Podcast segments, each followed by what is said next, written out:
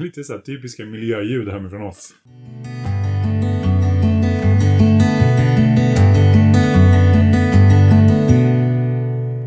Ja. En kalkon som kluckar utanför. Eh, samuraj som käkar och fåren som skriker. ja, fast jag tyckte faktiskt det lät som en ko när fåren skrek. Tyckte inte Ja, du också att det lät så här, Ja men det är 80. Hon är lite så... Mm. Hon låter eh, lite koig Ko, koig i sitt... I sitt eh, ja, i sitt uttryck. precis. Småbrukarpodden är tillbaka. Yay! Ytterligare en vecka, ytterligare massa galenskaper höll jag på att säga. Ja, precis. Och idag tänkte jag jag skulle börja med att ge eh, ett tips på en jättegod cider. Oh, lite... Du har inte varnat. Folk under 18 får inte lyssna på sånt. Då kan de... Då kan, de, då kan det gå fel. Okej, så är du under 18 så får du stänga av i ett par, tre Ja. minuter nu och sen kan du slänga Precis. igång igen. Nej, men en av mina nya favoritsidor är en cider som inte alls är så himla ny på bolaget. Den har funnits ett tag. Den heter Hannas cider, Rose d'Amour och smakar ros faktiskt. Ja. Eh, och det låter ju kanske lite konstigt men har man ätit mellanösternmat någon gång och testat på någonting som har så här rosvatten i sig så förstår man precis hur det smakar. Ja, faktiskt. Ganska parfymigt. Men alltså den är väldigt välbalanserad och jättegod tycker jag. Och sen 6% kommer i 33 centiliters burk. Ja. Ehm, 10-20 stycken är lagom på en kväll. Nej men den, den är den är söt men den är inte sådär sliskig. Den är väldigt fräsch för att vara söt. Mm. För jag är ju annars mycket mer för halvtorra cider. Alltså eller, eller så torra som möjligt egentligen tycker jag är väldigt gott. Ja. Eh, och den här är ju sötaste laget. Men jag tycker det funkar just för att den smakar inte så här sliskigt bärigt utan den har den här rossmaken som någonstans ändå gör det ganska fräscht. Ja, just Kul! Så det är mitt tips om någon vill prova någonting nytt och inte har testat Hannas Rose d'Amour Ja. tidigare. Och hon har också kommit ut, eller hon, Hannas Hon. cider, Ja. har kommit ut med någon eh, ny eh, smak för i år. Som jag inte kommer ihåg vad det är, något äpple eller något. Samurai passar på att dansa lite här. Samurai. Du får ge dig. Men den har jag inte hunnit smaka den där ciderns meny så att jag får återkomma Ja, om den är god. Ja, Det var mitt tips. okej. Det var ett bra tips. Jag tänkte, det är ju valborg imorgon. Nej, för att det här avsnittet kommer ut nästa vecka. Ja, ja, men okej, för, för, Och då har det oss, varit valborg. för oss är det valborg imorgon. Så du tipsar om någonting som folk ska dricka till valborg veckan dock- efter valborg. Dock- Ja men så här, ja, ja men absolut. De kan dricka till valborg, de kan också dricka det vid andra tillfällen om det skulle vara Ah. så att man känner för en Ja, en cider. tisdag morgon. Såklart. Men, men det är valborg imorgon. Samurai, kan du komma och lägga dig nu? Kom här. Hopp upp. Att han är så rolig för att han blir alltid så här stissig när vi börjar spela in. Men du, jag funderar på det här med föreningar. Mm. För det finns ju föreningar för precis allt. Ja. Det som jag tycker blir lite knepigt är att det är väldigt mycket pengar som ska ut. ja, det blir ju det till slut om man ska vara med i väldigt många föreningar. Ja, för nu säger jag, okej, den, eh, jag tänkte på tidningen Åter, men det är ju inte en medlemskap, men det är en prenumeration. Ja. Men det är lite pengar. Ja. Och sen så vill ju folk att man ska vara med i ehm, typ en förening för getterna, alltså allmogejätten. Ja. Och så ska man gärna vara med i ja, djur och fårhälsan, är inte en förening. Men det är gård och djurhälsan menar jag. djur och fårhälsan. Gård och djurhälsan. Eh, men sen ska man vara med i någon förening för fåren och så ska man vara med i någon förening för hönsen. Mm. Och så ska man vara med i någon förening för grisarna. Jag tänker så att tanken med hela föreningslivet är väl kanske att man ska hitta andra som har samma liknande djur som en själv, samma raser kanske, och så här kunna få hjälp och stöd om man har frågor och kunna utbyta erfarenhet och sådär. Men det jag kan uppleva ibland med föreningslivet är att det inte riktigt så alltid det funkar. Utan det är snarare så att man betalar för med i en förening, man får hem något så här föreningsblad en gång per år eller vad det Mm. kan vara en gång i kvartalet. Och sen är det inte så mycket mer med det. Jag tror att det är för att man måste välja själv att vara väldigt aktiv i föreningen och liksom söka upp och ställa frågor och så här. Mm. Och har man då inte så mycket frågor och inte är så aktiv, ja men då slutar det med att man i princip bara betalar och får kanske hem något blad och Ja, precis. För det någon här tänker, årsmöteskallelse och sånt. ja, för det jag tänker mer det är biodlarföreningen. Ja, Och det är föreningen för Grolle. ja, Eh, vad jag tänkte på mer. Det är Alkorn. ja. Eh, och det är Sesam Fröbanken. Mm. Vad har vi mer? Ja, alltså det blir ju väldigt tar ju mycket liksom föreningar. slut. Nej. Men, men föreningarnas syfte är väl just att kunna finnas till som en intresseorganisation för folk som vill. Mm. Att du måste kanske inte liksom vara medlem i det men om, om du är intresserad utav det så, så är- finns det en stor källa till information där. Ja.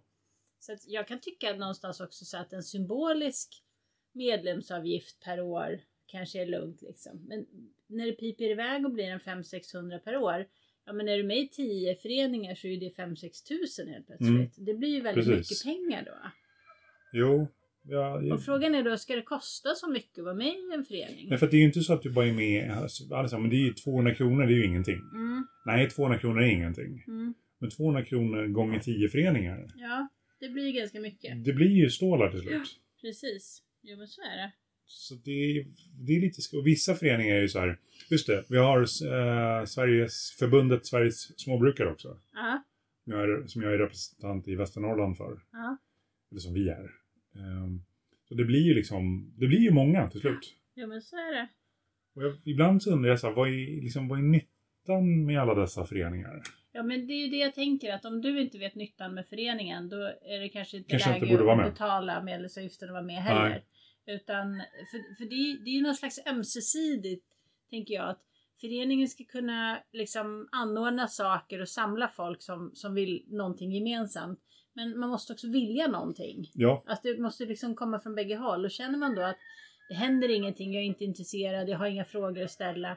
Då är det kanske inte något syfte att vara med i föreningen. För då Nej. har du, inte, då har du ingen liksom nytta av de kunskaperna som du behöver. Då kan man ju gå med i föreningen när man behöver det sen i så fall. ja precis. För det, alla säger så, men du går med i den föreningen, eller går med i den föreningen, Ja. eller den föreningen.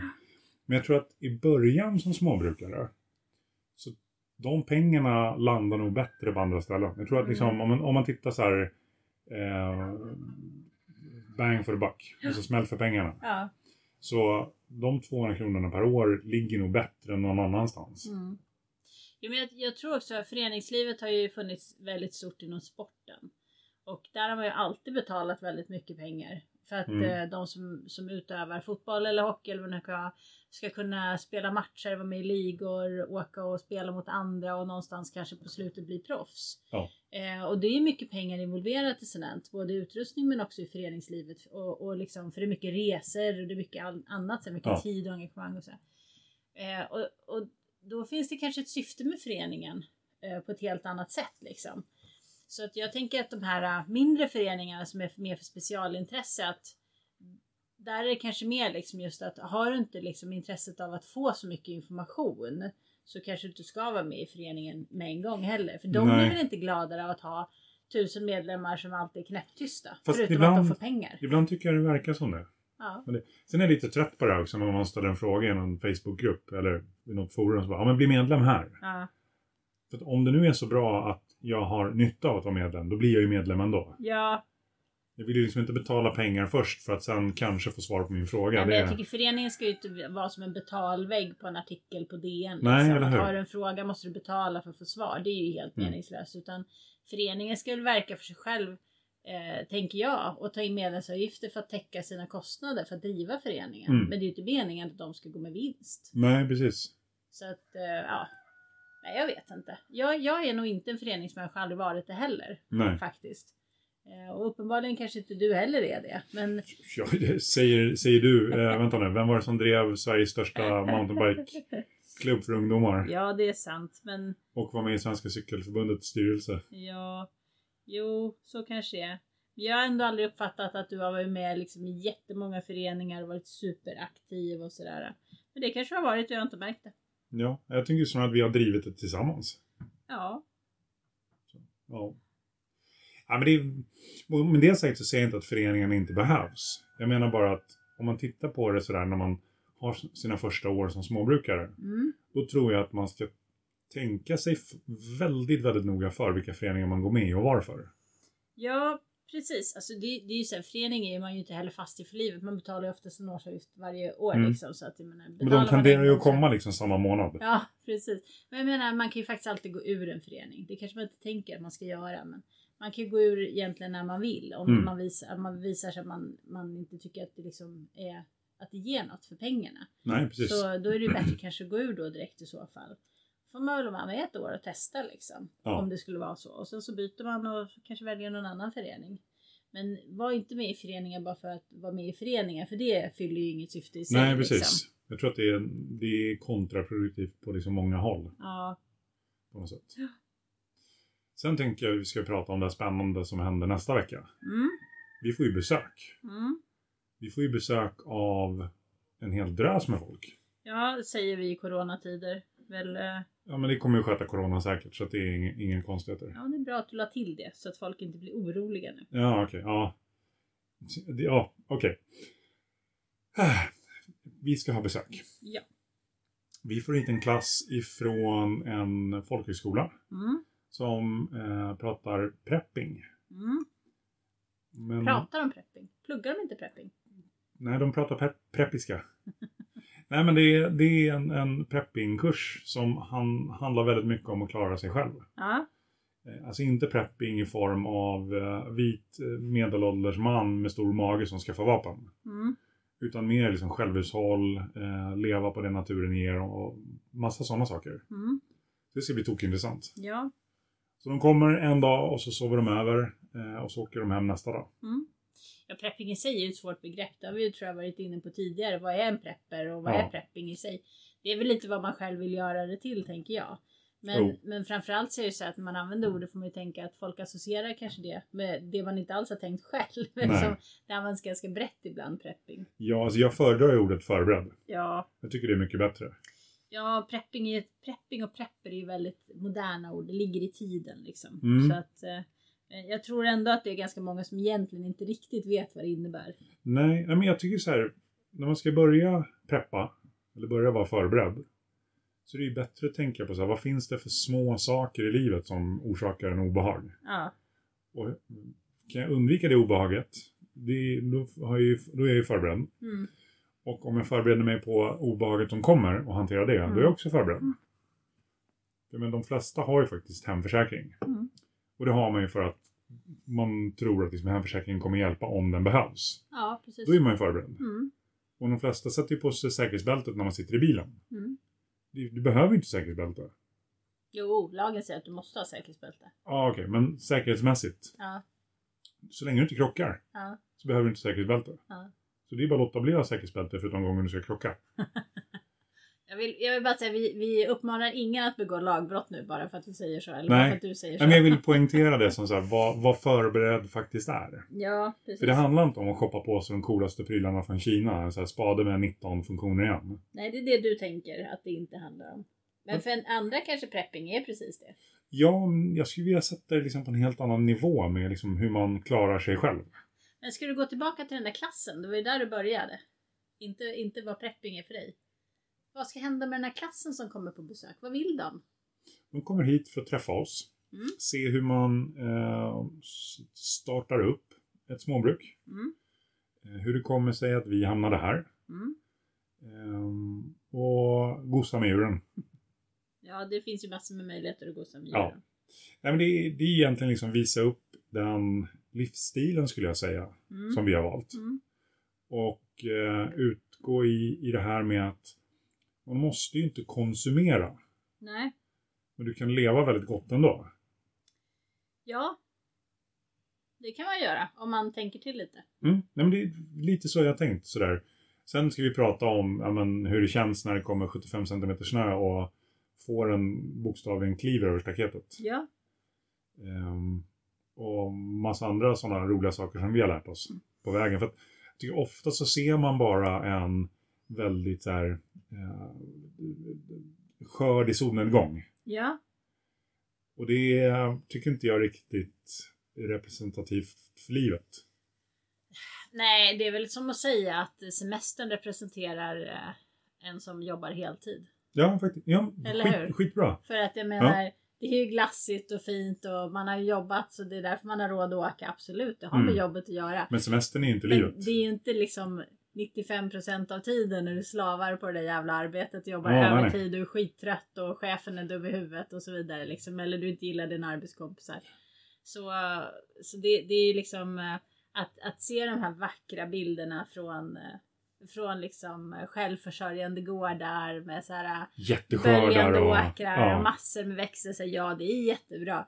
Men man kan säga så här, ibland får man bara en morot. Ja, Då visst. får man hålla till godo med det och Ja, vara och glad. har, har man liksom. tur så har inte hunden tuggat på den, eller Ja. fåren eller getterna eller... Så det, det är ju liksom inte alltid det går så att allting blir sådär perfekt. Det kan Nej. man ju lugnt påstå. Nej, för det vill jag visa också. Det det är ju inte... Det är ju liksom inte något så här romantiskt liv med liksom solen som lyser på blomstrande ängar. Det finns ju sådana ögonblick. Ja. Men det är ju ett arbetsamt liv. ja, men det är det. Det är, alltså, det är tufft på många sätt. Det är tufft Ja. både inomhus och utomhus. Ja, det är mycket att göra och det är ofta så här. Eh, det, må, det måste kanske göras inom en viss tid. Viss, alltså mycket kan man skjuta på, Ja. vissa saker kan man verkligen inte skjuta på. Så det blir ändå, vissa saker blir lite fyrkantiga. Och det är svårt att komma ifrån det liksom. Faktiskt. Men sen beror det så otroligt mycket på hur man lägger upp det. Hur, hur, mycket, hur mycket bonde man väljer att vara. För väldigt många idag är ju liksom halvtidsbönder eller Ja. deltidsbönder och har andra jobb eh, vid sidan av och har det här mer som en, en Hobby. hobby. Ja. Och, och då, så det, det här är ju väldigt individuellt. Mm. Måste man ju säga. Det, det beror ju så mycket på hur man väljer att lägga upp det liksom. Ja. Nej, men det är väl lite sånt som jag tänkte vi skulle prata om. När de Ja. är här. Hur gamla är de då? De är vuxna, för det är folkhögskola Så jag va? har ingen aning. Nej. Jag tänker om det är folkhögskola, då kan det ju vara vilka åldrar som helst. Ja, det är inga femåringar. Nej, det... det hade väl funkat det med, men det hade varit kanske lite svårare. Lite annat fokus då. Ja, precis. Ja, nej, men det ska bli jätteroligt att få lite besök. Och vi ska försöka göra det så coronasäkert vi bara kan. Ja, nej, vi kommer vara utomhus mesta del av tiden. Ja. Och de kommer ju bo i tält dessutom. Precis. Så de, är ju, de har ju smittat varandra sedan länge Ja, på något sätt. eller hur? Nej, alltså man får väl...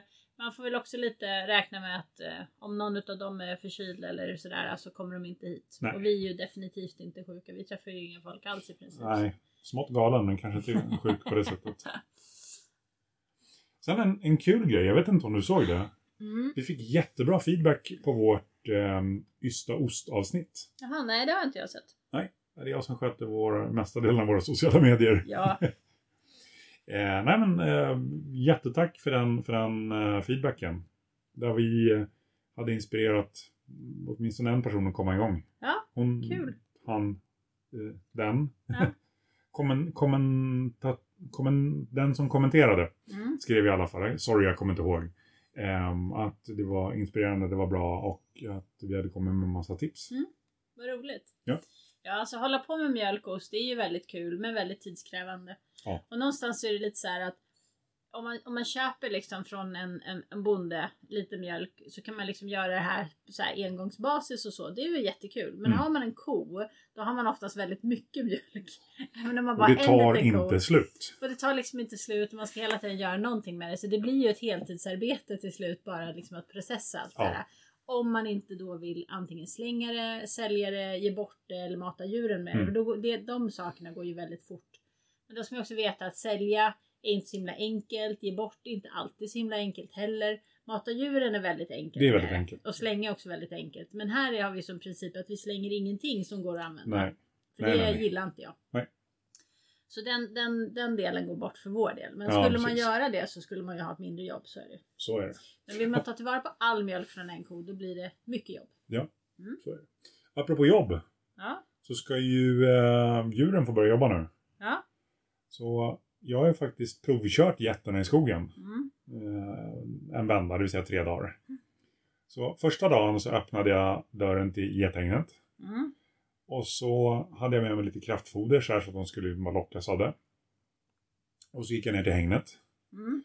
Och när jag kom ner så ehm, var Silver inte inne, Sigurd var inte inne och våra små juniorer, det vill säga Storm och Sol, Mm. eh, de, de, de stod kvar i hägnet. Ja, där uppe. Ja, de vågade inte gå ut. De Nej. stod där och skrek på sina mammor och mammorna de bara Vi är upptagna. Sådär. Ehm, det löste sig i alla fall. Så dagen efter så ehm, tänkte jag ju till lite. Så Mm. jag tog ut småttingarna först. Mm. Eh, och så gick vi ner. Och dag tre, då öppnade jag dörren. Så sprang de ner till hägnet. Ja. Allihopa var inne i hägnet innan jag kom ner. Ja. Det är coolt. ja, men de tycker nog att det är ganska nice att få komma ut på lite större yta och få lite grenar och kvistar och roa sig Ja. med. och så här. Det blir ju väldigt det blir ju instängt på vintern. Alltså det är ju så mycket snö och så, här, så de kommer inte så på, liksom, de kommer inte Nej. runt så mycket. Alltså djurens rörelsemönster är ju mindre på vintern, för vintern handlar ju bara om överlevnad egentligen. Ja, precis. Sådär. Men det så att de ska ju då ner i skogen och Mm. börja jobba där. Och eh, gethängnet, där tänkte jag ta in grismorsan. Mm. Så hon får böka runt Ja. och liksom göra, göra kaos. Eh, Och fåren, de har ju visat att de kanske inte vill vara i sin hage just nu. Mm. Så där ska vi ju sätta dem i ny hage. Och när det är gjort så ska grismorsan få gå där också och böka och stöka. Ja. För där har jag tänkt att vi ska ha vår köksträdgård och kanske plantera lite av det som vi har köpt. Mm. Var? Där får den ha gått. Där får den ha gått. Mm. Ja Mm. men absolut. Någonstans kan jag tycka så att det är så joxigt när vi liksom inte har några fasta staket. För att det blir alltid så här, man kan flytta, i princip kan man flytta djuren vart som helst. För vi kan bara slå upp ett staket, vi har ju så här flyttbara staket. Ja. Man kan bara slå upp ett staket mitt på en plätt och så kan de vara där. Så kan man slå upp det någon annanstans så kan de vara där. Och jag tycker det är så svårt att liksom ibland tänka efter hur de ska flytta runt och var vi ska odla och inte ska odla. Mm. När det liksom inte finns några begränsningar. Hade det liksom varit så att vi hade haft fasta staket och så hade vi haft x antal olika Ja, de är ju folla 1, Ja. folla 2. Ja precis, då hade man kunnat döpt dem till olika saker. Så Ja. hade man liksom bara kunnat gjort ett schema så här, nu ska de dit, nu ska de dit, nu ska de dit. Det hade varit mycket lättare för mig att processa.